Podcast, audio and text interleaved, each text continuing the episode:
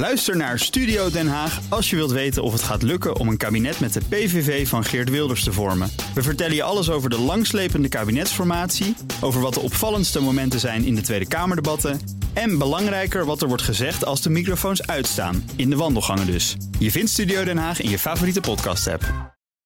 De column van Bernard Hammelburg. Dat Zweden uiteindelijk het NAVO-lidmaatschap zou binnenhalen was geen verrassing. Maar dat de Turkse president Erdogan op deze top al door de knieën zou gaan, was dat beslist wel. In de categorie politiek manipuleren is en blijft hij een grootmeester. Hij is nu even de held, de vriend en de bondgenoot die voor reden vatbaar is.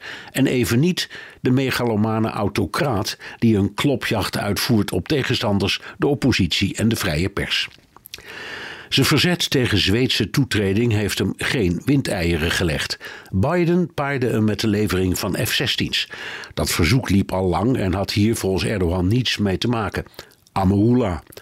Toen eiste Erdogan hervatting van de procedure voor Turks EU-lidmaatschap. Dat heeft niets met de NAVO te maken, maar Zweden pakte het heel handig aan door te beloven zich daarvoor in te gaan zetten. Niemand had het over waarom de aanvraag ook alweer was opgeschort. Als reactie op Erdogans meedogenloze optreden na de mislukte staatsgreep van 2016 en de onttakeling van de democratie en de rechtsstaat.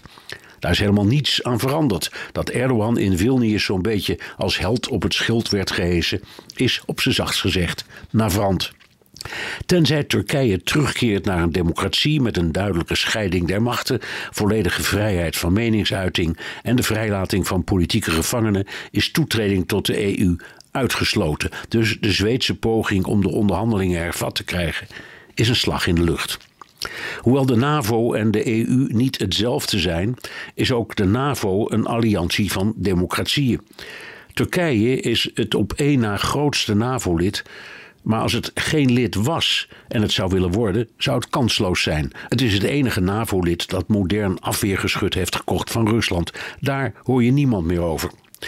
Je kunt dus niet anders dan bewondering hebben voor het politieke talent van Erdogan. Hij heeft regie, hij krijgt wat hij wil, de NAVO eet uit zijn hand, hij verkoopt drones aan Oekraïne en speelt zonder scrupules mooi weer met Rusland. De Houdini van Constantinopel heeft een mooie week.